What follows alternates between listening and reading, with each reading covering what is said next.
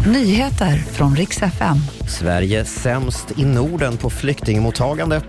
Och bilister mötte A-traktor i 190 km i timmen. Nu har en 17-åring dömts. God morgon. Sverige är sämst i Norden på att ta hand om de som flyr kriget i Ukraina. Nordiska ministerrådet och UNHCR har släppt en rapport som visar att länderna hittills hanterat flyktingkrisen på ett bra sätt, men att det finns stora skillnader i vilka villkor flyktingar har i respektive land. Och Sverige sköter sig alltså sämst på flera sätt. Bland annat betalar vi ut lägst dagsersättning till flyktingarna. De får inte full tillgång till vård här och har heller inte rätt till språkundervisning, typ SFI, vilket de har i de andra nordiska länderna, det rapporterar SVT.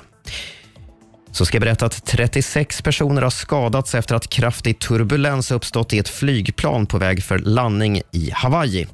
Elva av dem är allvarligt skadade och för några är läget kritiskt. En teori är att planet flög in i ett åskväder, skriver New York Times. Nu ska det utredas hur många som faktiskt hade bälte på sig.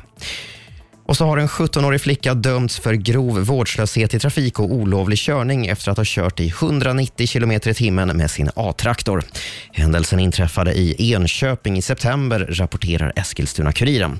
Under färden körde hon på fel sida av vägen i en korsning i en rondell och på en landsväg och mötande trafik fick enligt polisen väja för att undvika en krock. Hon döms till 35 timmars ungdomstjänst och får inte längre köra A-traktor.